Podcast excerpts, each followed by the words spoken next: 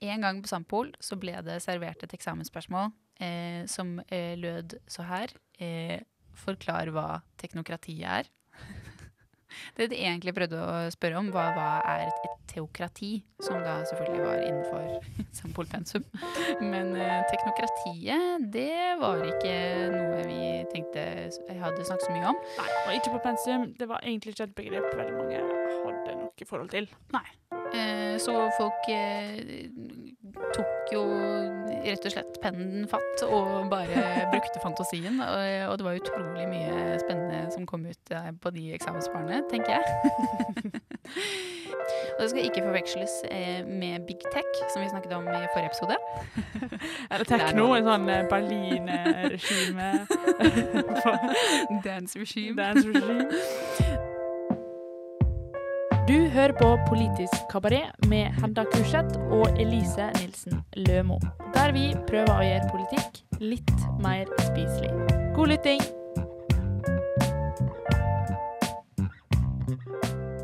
For teknokratiet, det er ekspertvelde.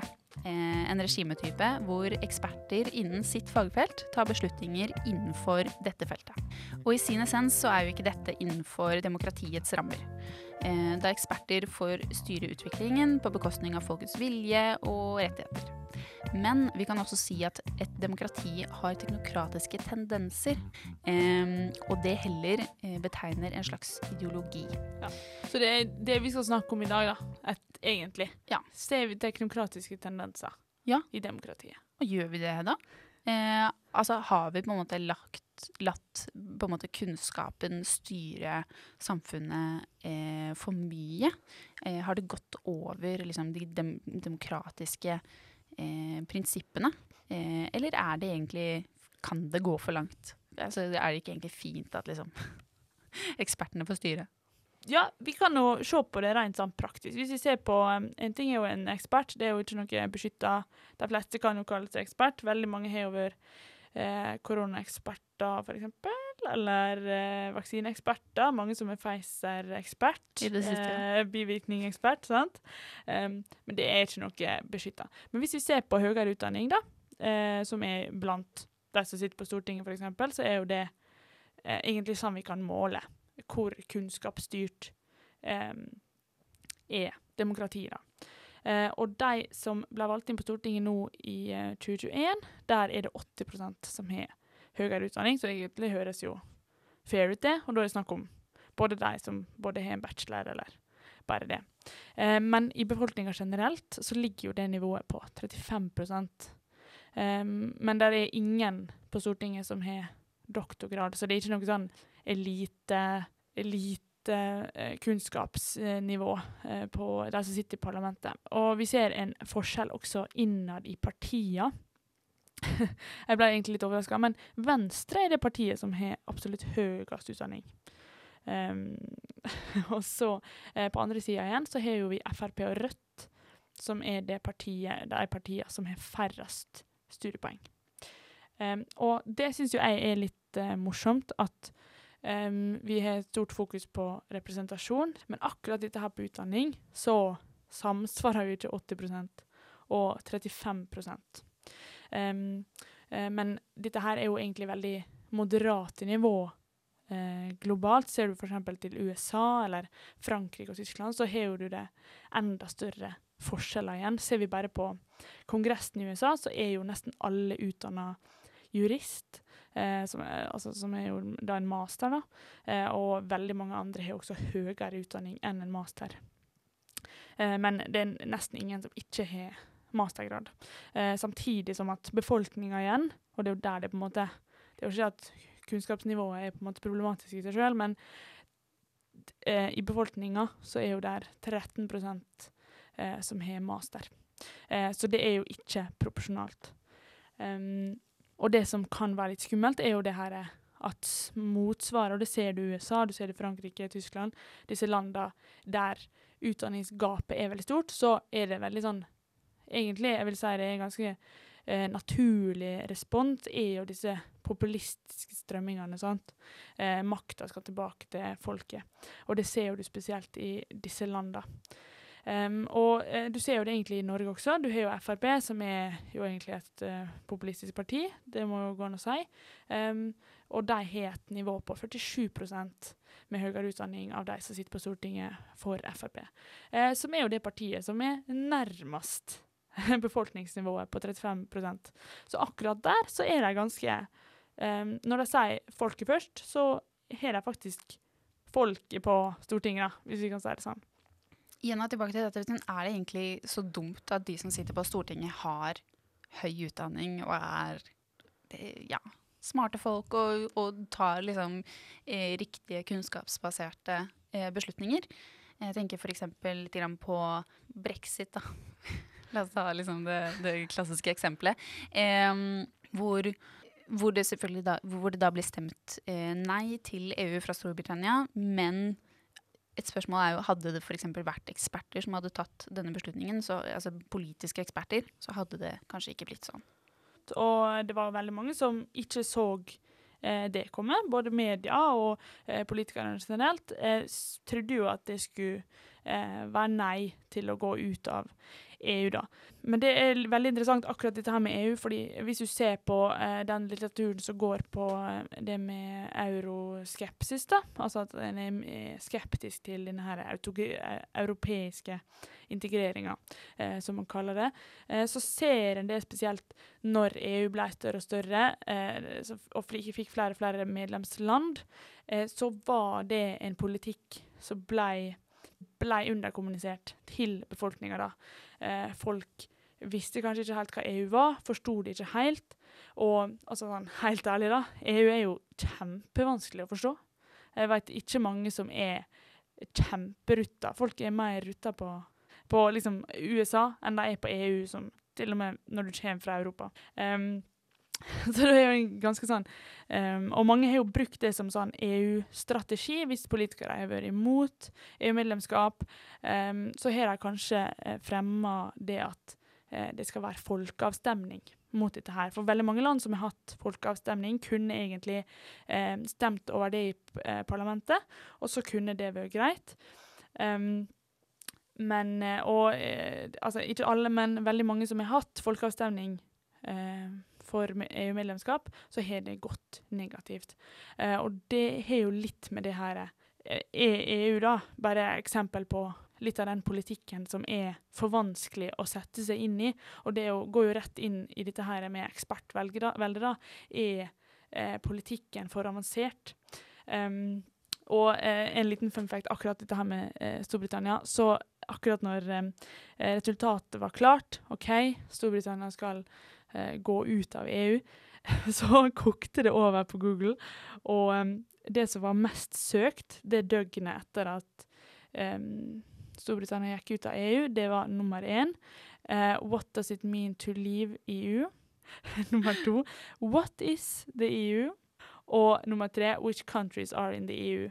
Eh, og det, det, sier jo litt om eh, Altså, nå trenger ikke det å bety noe som helst, egentlig, men men hva er det de har diskutert i oppkjøringa til dette, denne folkeavstemninga, eh, når folk Denne vesentlige kunnskapen om EU eh, kanskje er i en viss grad fra hverandre, da. Ja, for det er jo et, et kjempegodt eh, eksempel, eh, det der. Eh, og det man ser veldig tydelig med det, er jo rett og slett mangel på, eh, på rett og slett formidling fra både eksperter og eh, politikere. For kanskje litt av greia er jo det at altså, Greit nok, kanskje ikke den generelle personen i befolkningen er ekspert på EU. Det er det jo veldig få som er.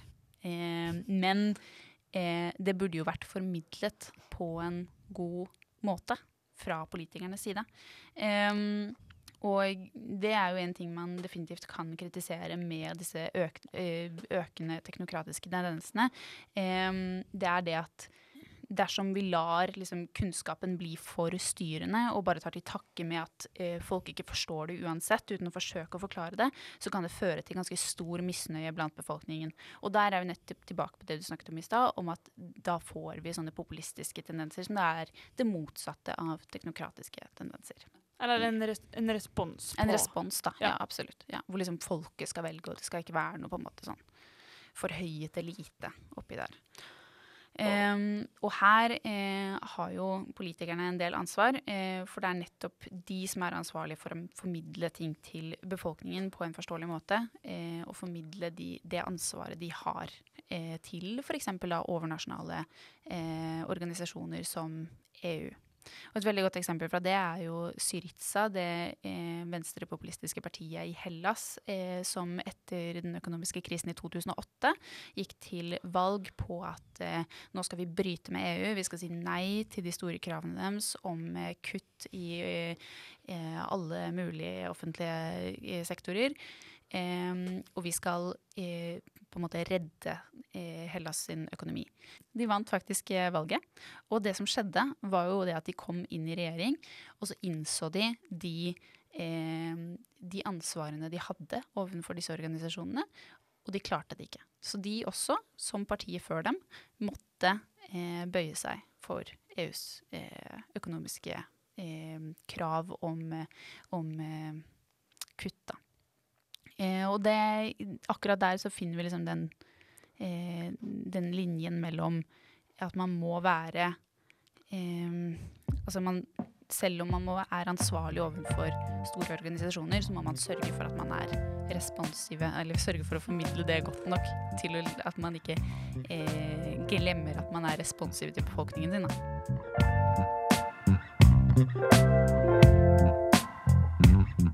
Men eh, dette som vi har snakket om nå, er jo problemer innenfor demokratiske regimer. Der hvor eh, befolkningen faktisk har lov til å være misfornøyde og si ifra om det og stemme, og stemme, på, populistiske. stemme, på, populistiske partier hvis de vil det. Ja. Ikke sant?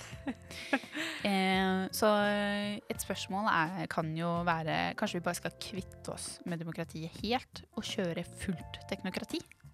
Eh, ja, altså Når du hører på brexit og, og, og sånne type ting, da, så og disse rare påstandene fra avisa. ja, så tenker jo du kanskje noen ting hadde vært best at vi lot ekspertene ta seg av. Ja. Men eh, her har jo et ganske morsomt, eller ganske grusomt, eh, kommer an på hvordan du ser det, eh, eksempel. Eh, på at dette faktisk heller ikke har fungert. Um, Jan Pedersen, eh, førsteamanuensis ved Universitetet i København, har bl.a. pekt på Salazar-regimet i Portugal som det nærmeste vi har kommet et fullt teknokrati i historien. Um, Antonio de Oliveira Salazar var statsminister i Portugal fra 1932 til 1968. Og selv om regimets makt lå i hæren, eh, så var alle statsråder og partitopper professorer, ingeniører og diplomater. Altså eh, høyt utdannede eksperter. Eh, og på, eh, poenget mitt er jo det at eh, dette ikke gikk så veldig bra, det heller. Eh, fordi Portugal endte som Europas fattigste land eh, i denne perioden. Og eh, Salazar var, selv om han var ekspert, så var han også ekstremt konservativ og fascist.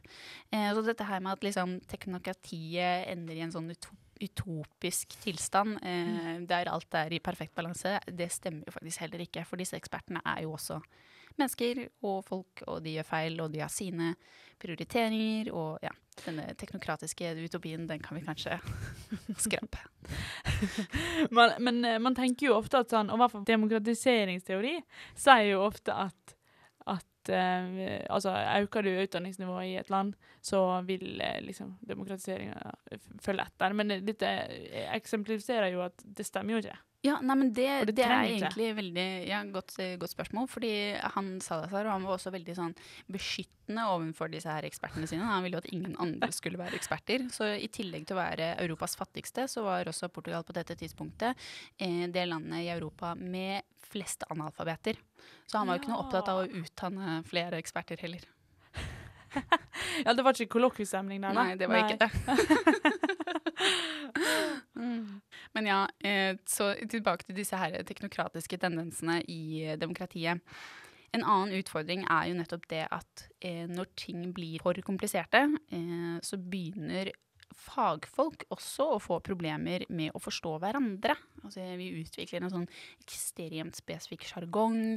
Vi fordyper oss i vårt tema, og så er vi veldig liksom, opptatt av akkurat dette temaet. Og så sliter vi rett og slett med å se andre perspektiver. Og dette ser vi jo egentlig hele tiden. F.eks. pandemien har jo vært et perfekt eksempel på det. Måten ulike fagfelt har eh, motstridende interesser. Um, og det rett og slett da blir på en måte altså partiene og politikernes ansvar å balansere disse og velge de argumentene som de syns passer best i forhold til de verdiene de står for. Der, og der er det jo også et annet argument som går på det at eh, hva, hva, er det vi vektlegger? Hva slags ekspertkunnskap er det vi legger vekt på, da? Og rent sånn, i hvert fall i politikken, så har jo det vært eh, økonomene, som har på en måte helt fra velferdsstaten og eh, skattepolitikken, og du har New Public Management sant, eh, som ble innført, så er jo det hele tida økonomiske argument og økonomiske avveininger. Men igjen så ser jo du i, i ting i, i at det blir um, disse økonomiske argumentene blir brukt i også andre aspekter av politikken som ikke går på økonomi. Da. Du ser både i, i det som går på uh, flyktningpolitikk, du ser det i klimapolitikken. Hva er det slags argument, argumentasjon som blir brukt? Jo, det er økonomiske argument.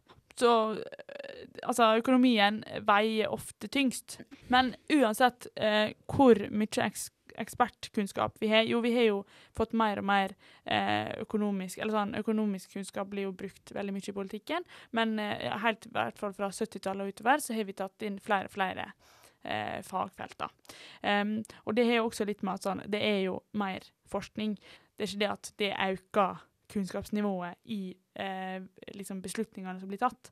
For denne forskninga også blir jo valgt selektivt eh, bestille på en måte forskning eh, hos tenketanker eller forskningsinstitutt, og så eh, blir det resultatet kanskje brukt dersom det eh, Passer deres verdier ja. og, og, deres holdninger, ja. Absolutt. Eh, så det, det, er jo sånn som du sier, at sånn OK, vi har veldig mye ekspertkunnskap, og hvert fagfelt eh, vektlegger jo sitt eh, felt høyest, men, men, så må den her eh, i, i, hvert fall i demokratiet, da, da må det være en sånn ideologisk avveining. Hva hensyn skal vi eh, ta? Og, og, du hadde et godt eksempel på det med FHI under eh, koronapandemien. På en måte Det mest logiske for FHI hadde jo vært dersom vi på en måte Hvis vi skulle, kun skulle tenke liksom fysisk helse, da. Eh, at vi bare låste alle sammen inne og sa sånn OK, greit, nå holder vi oss inne, dere. Portforbud. Ja, portforbud. Alt sammen. I, i, til vi bare er ferdig. Sånn, litt sånn Kina-stil. Um, men poenget er jo nettopp det at eksperter gjerne ikke alltid er like flinke til å eh, ta inn over seg andre eh, argumenter. Og her måtte på en måte politikerne inn og eh, også vurdere altså, den sosiale, mentale tilfredsheten til befolkningen. Eh, de måtte også vurdere en del sosioøkonomiske forhold. altså Vi kan ikke bare la liksom, eh, industrier og små businesser eh, gå konkurs fordi vi skal ha et par uker med opphold inne. ikke sant? Det, det går ikke. Og det så man jo veldig godt med f.eks. at FHI gjerne kom med ganske strenge eh, strenge ja. eh, anbefalinger. anbefalinger og så fulgte kanskje ikke eh, regjeringa opp eh, de anbefalingene. Altså Tiltakene ble ikke det som FHI anbefalte. Og det mm. var jo fordi at det var andre eh, vurderinger som ble, eh, som ble, lagt foran. Men det er ganske interessant det her med denne her eh, dersom vi hadde teknokrati, da, OK, du har en ekspert på hvert felt, så hadde det kanskje blitt på en måte diktatur til slutt. Eh, kanskje. Kanskje ikke litt sånn Salazar-opplegg. ja, og at kanskje er denne her ideologiske grunntanken i disse avveiningene som blir gjort, da, er det det som liksom demokratiserer Eller det som holder kunnskapen på et demokratisk nivå? Absolutt. Det tror jeg. Mm.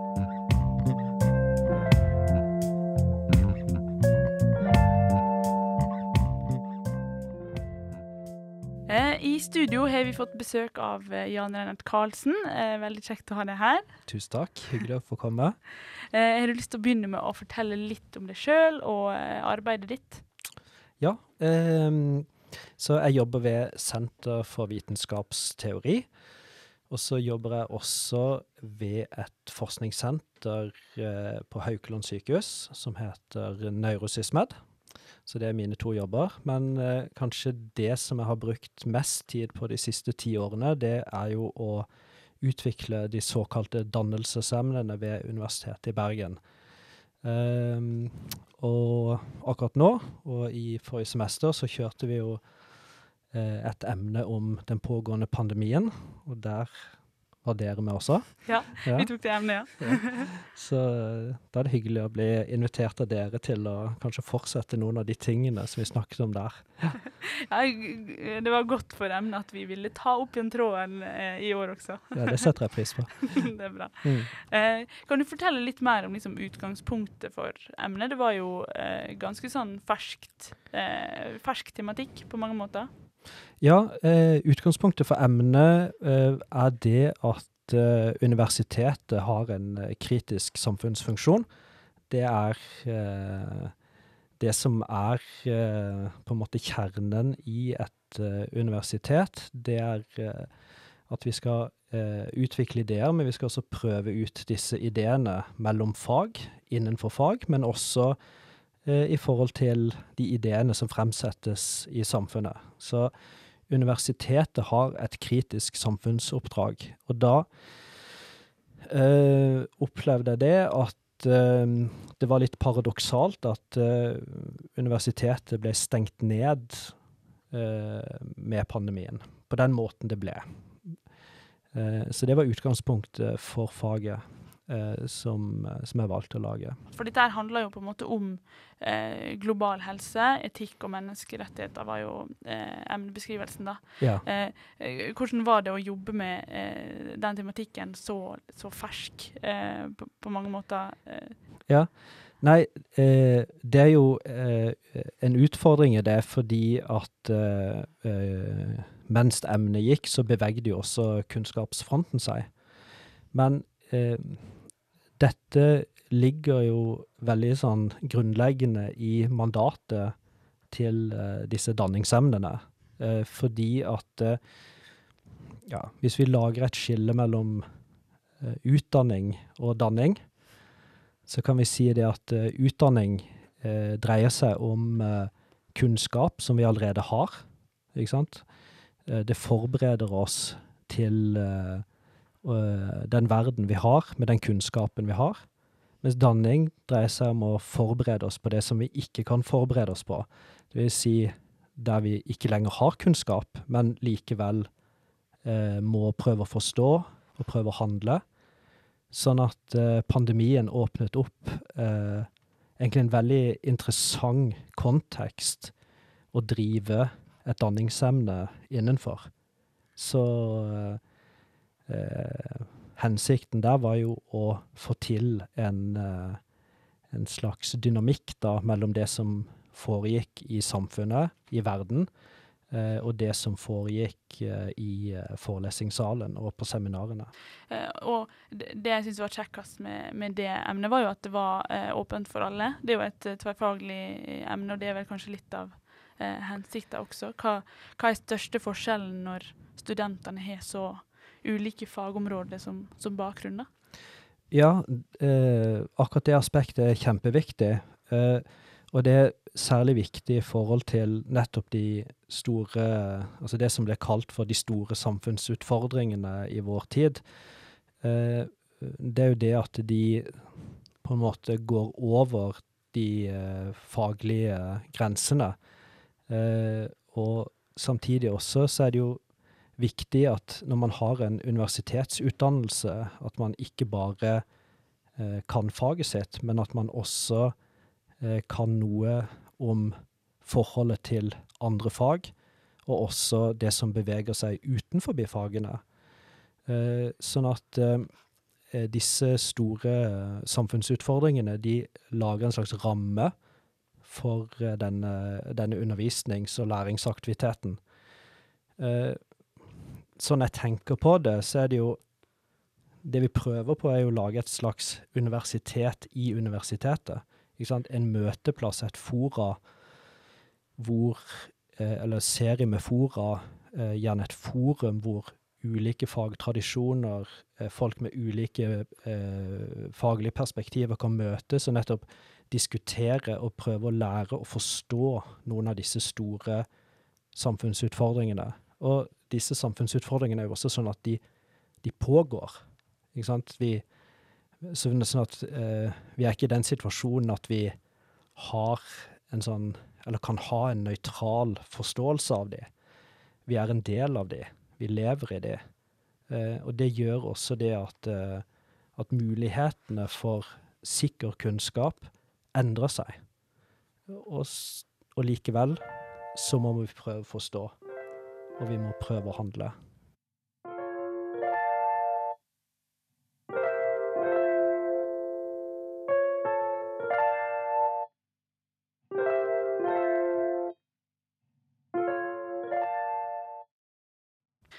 Vi har jo snakka litt eh, om dette her med at sånn som politikere og folket, at, at eh, kanskje vi ikke greier å kommunisere like godt. Og du er jo inne på det nå, men sånn eh, Syns du at de eller sånn de med høyere utdanning da, greier å kommunisere eh, forskninga si og vitenskapen sin både liksom til eh, vanlige folk, men også til eh, andre fagfelt?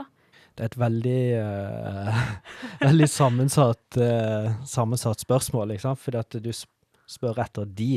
Uh, og de er veldig forskjellige og veldig mange.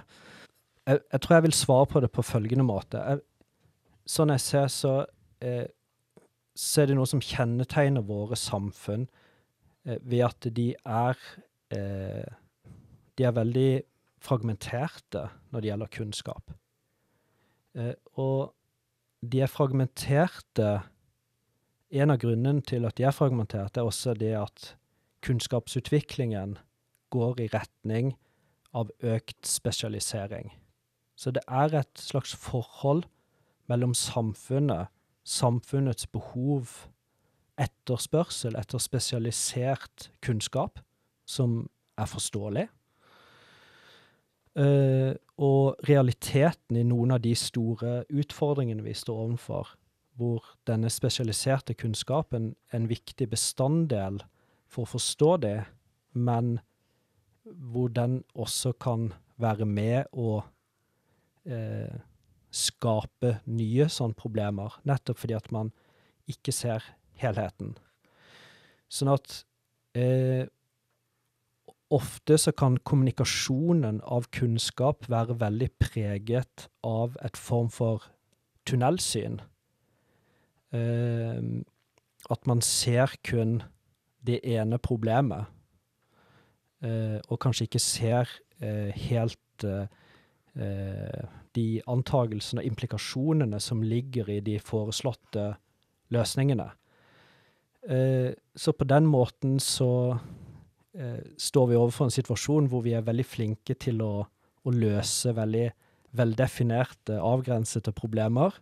Og samtidig så har vi blitt skrekkelig gode også på å lage store, uhåndterlige, komplekse problemstillinger som vi ikke kan løse med den samme måten å tenke på. Ja, Så det, det er ikke bare bare med all denne spisskompetansen? Eh? Nei, eh, eh, ofte så er det jo sånn at, eh, at man snakker Altså at man eh, liksom sånn politisk vil ønske oss å, uh, å, fremheve hvor viktig det er med tverrfaglighet. Men, og da på bekostning av denne spesialiserte kunnskapen. Men jeg vil si det at dette er ikke et enten-eller. Det det i veldig stor grad dreier seg om, er det at spesialisert kunnskap er nødvendig, men det er ikke tilstrekkelig. Du må ha noe mer. Du må eh, kunne sette det inn i en større sammenheng. Du må ha en, en bredere forståelse. Så vi må rett og slett ha begge deler. Eh, og det er det som er utgangspunktet for å kunne kommunisere tverrfaglig. For eh, erfaringsmessig, hvis man setter mennesker som kun er interessert i sitt eget fag sammen, eh, og ikke har en bredere forståelse, Eh, eller en bredere interesseorientering, så er det veldig vanskelig å få til en god eh, utveksling av ideer og, og, tanker. Sånn at eh, Derfor er utdanning veldig viktig her. At vi både har, har dybde og bredde. De to tingene henger sammen. Men det er klart det at eh, at ofte så er det jo sånn at ene, den ene fordelen er dens andre svakhet, og omvendt. Og det er derfor at det kan være særlig utfordring når vi skal kommunisere, og kommunisere sånn at begge dimensjonene, dybde, bredde, er tilfredsstilt. Og det er det jo veldig få som får til. Eh, Og eh, under pandemien så så jo vi på en måte at det var veldig mange fagfelt som plutselig måtte eh, eh, ta hensyn til en helt annen dimensjon, liksom helseutfordringer. Eh, hva skjer med den liksom, når det blir en sånn kunnskapsstyring? da? Hvordan fungerer det eh, politisk? Ja, altså Det interessante er jo med pandemien er jo det Det har jo vært et eksperiment. Hvor vi kanskje for fullt har fått oppleve hvordan det er eh, å leve i en, eh, i en stat hvor, eh, hvor eh, både helsebyråkrater og medisinere legger premissene for politikken. Mm. eh, og hvor gjennomgripende dette, eh, dette har vært i, i vår forståelse både av, av oss selv og hvordan samfunnet henger sammen. Sånn at det har vært interessant å se på eh, hva skal vi si, den, det vi kanskje kan kalle for den medisinske politikken eh, under, eh, under pandemien. Hvordan den har vært utviklet, og hvordan medisin har vært et effektivt eh, styringsredskap. Jeg, en av de tingene som er tenkt med pandemien, er jo også det at at pandemien eh, muliggjør noen erkjennelser av oss selv og samfunnet vårt som vi ellers ikke ser, som ikke er så tydelige. Så den setter ting på spissen. Eh, og en av de tingene den setter på spissen, er jo nettopp hvordan ekspertkunnskap eh, så å si innvirker i livene våre. Ikke sant? Eh, eh, vi tenker jo ofte fra en modell hvor vitenskapelig eller forskningsbasert kunnskap så å si beskriver og forklarer verden litt sånn utenfra. Eh, men det er bare halvdelen av historien. For det er jo sånn at både oss som studerer noen fag, vi tar opp begreper fra andre fag. Og mennesker som ikke er ved universitetet, eh, de tar også opp fag Nei, opp eh, begreper og kategorier, et språk, som kommer fra de ulike spesialdisiplinene. Og så tolker vi samfunnet og våre egne liv i, forhold til de, de begrepene. Sånn at eh, Jeg tenker at eh, under eh, pandemien så er det veldig mange som har fulgt med på smittetall, litt som værmeldingen, ikke sant? Mm. Og, og også på en måte litt sånn, kanskje litt sånn halvveis bevisst eh, tenkt på hvor man har vært hele tiden i forhold til smittesporing. Man har eh, Det er ikke bare helsemyndighetene som har hatt en TISK-modell. Vi har kanskje levd våre egne private TISK-modeller. Og dette eh, skjer eh, i, sam, altså, i samfunnet så skjer dette område etter område at, at dette ekspertspråket det er også med å forme vår selvforståelse og vår forståelse av samfunnet. Så dette er noe mer enn Det som foregår her, er noe mer enn at, eh, at vi sitter ved universitetet og, og prøver å forklare verden. Disse begrepene de, de flyter rundt i veldig stor grad. Mm. Så vi også adapterer på en måte den måten å snakke på, og, og den måten å se verden på. Det er jo det som er det en, kanskje en av de interessante tingene her, er at ikke bare adapterer vi et sånn e- ekspertspråk. Og for oftest kan jo dette være litt komisk også å høre på for de som er eksperter om dette, for jeg regner med vi bruker disse ordene også en del feil. Men sånn er det jo med språket. Når vi skal lære språk. Vi bruker ordene på feil måte, men de tas opp, og de brukes. Og, og det gjør også det, eh, kanskje det at vi eh, ja, kanskje vi av og til da føler at vi er eksperter på mer ting enn det vi egentlig er. Fordi vi har lært språket, men vi har ikke nødvendigvis kunnskapen som ligger bak dette språket. Mm. Og det er jo veldig mange som har vært eksperter på, på som du sier, smittetall og sånn. Men er det, er det for mye ekspertise ja, i samfunnet? Jeg vil si nei. det er veldig klart svar, ikke sant? Men jeg, eh, jeg vil si det at det er for mye eh, kanskje feil ekspertise. Eh, min, altså, min far og hans generasjon de følte seg alle så å si myndiggjort til å kunne rive ned en vegg og ha gigantiske byggeprosjekter hjemme. I dag, hvis du skal gjøre det samme, så er det veldig klare regler på hva du kan gjøre og ikke gjøre. Og det er også et krav om dokumentasjon. Det er krav om ansvarlighet i forhold til det du har gjort, i forhold til videre salg. Det er veldig vi har jo nå snakket om medikalisering, altså som at vi begynner å overta medisinske begreper for å forstå selv. Men innenfor område etter område så skjer det også en rettsliggjøring, altså hva kalles for juridifisering, hvor eh, man fort føler at man ikke eh, har eh, hva skal jeg si, nødvendig eh, myndighet til å kunne gjøre, eller kompetanse til å kunne gjøre eh, ting i hjemmet sitt som den forrige generasjonen kanskje følte var helt naturlig, og var sånn sløsing med penger og, og, og eh, få noen andre til å pusse opp. Eh, og dette gjelder for område etter område. Så det er kanskje en av de Dette er jo todelt, så det har, noen, det har noen positive sider, men det har også noen negative sider. Uh, og, så det er det ene aspektet. Uh, en form for at når, dette, når det blir flere og flere eksperter eh, som så, får, så, blir det mindre kanskje ekspertise igjen eh, til oss selv i forhold til hva vi kan gjøre i vår egne liv. Så, så for mye ekspertise kan føre til en form for umyndiggjøring.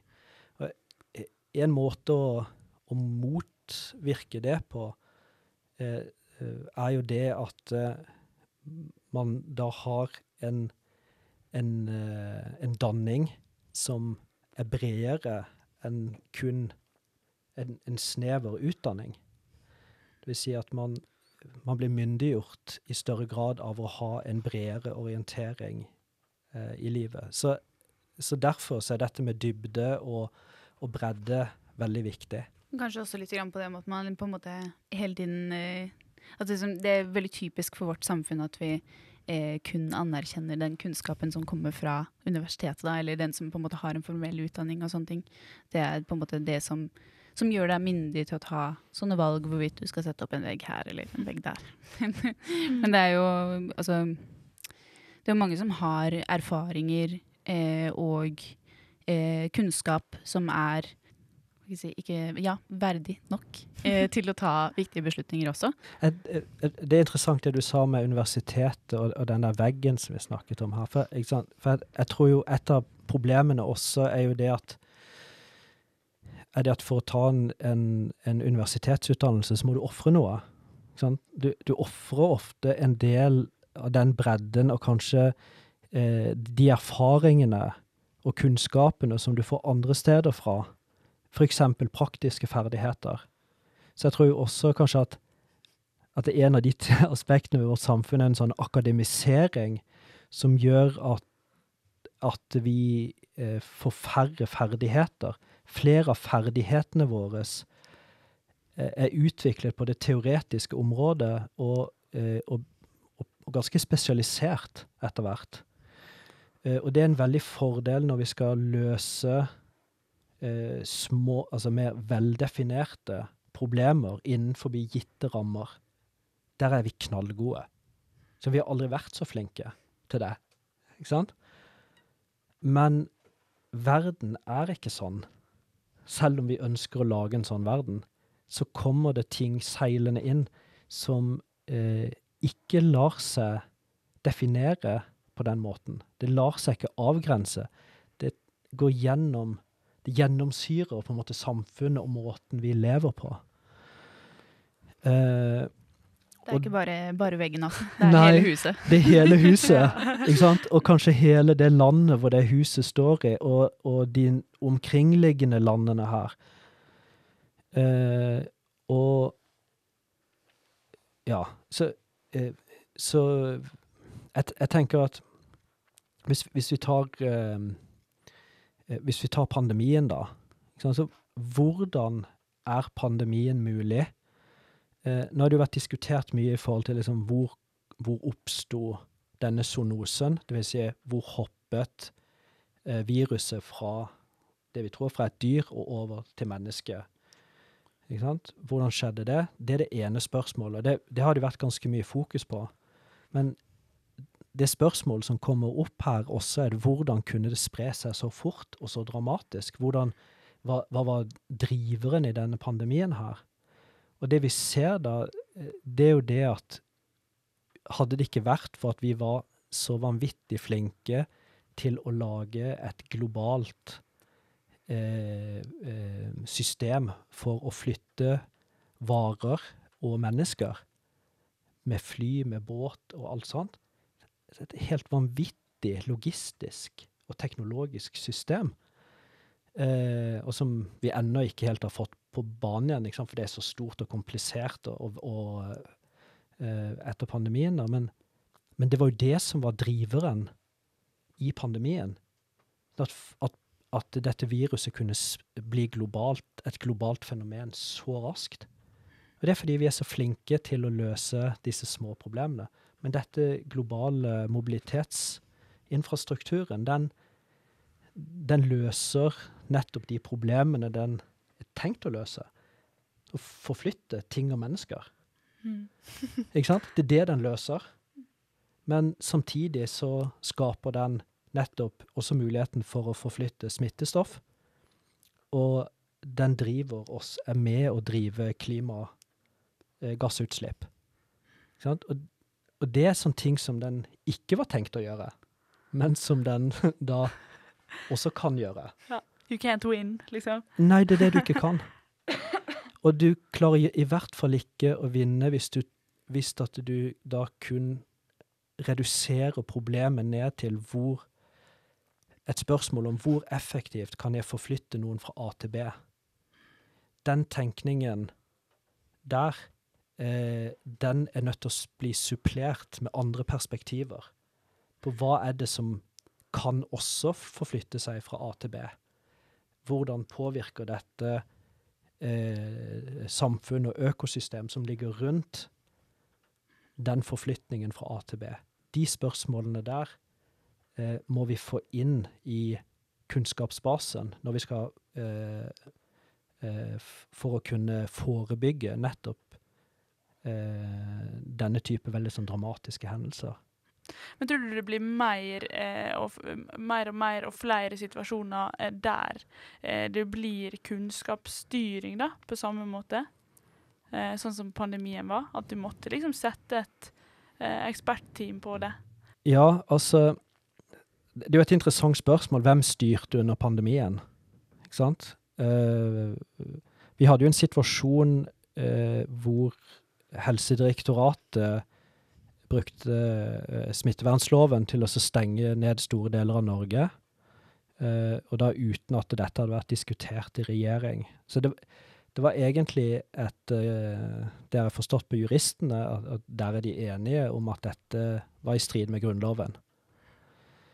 Men så kommer jo regjeringen på banen, og så det er jo regjeringen her under pandemien som har hatt så å si den styrende og, og kanskje også integrerende funksjonen med å, å prøve å balansere ulike, uh, ulike hensyn, da.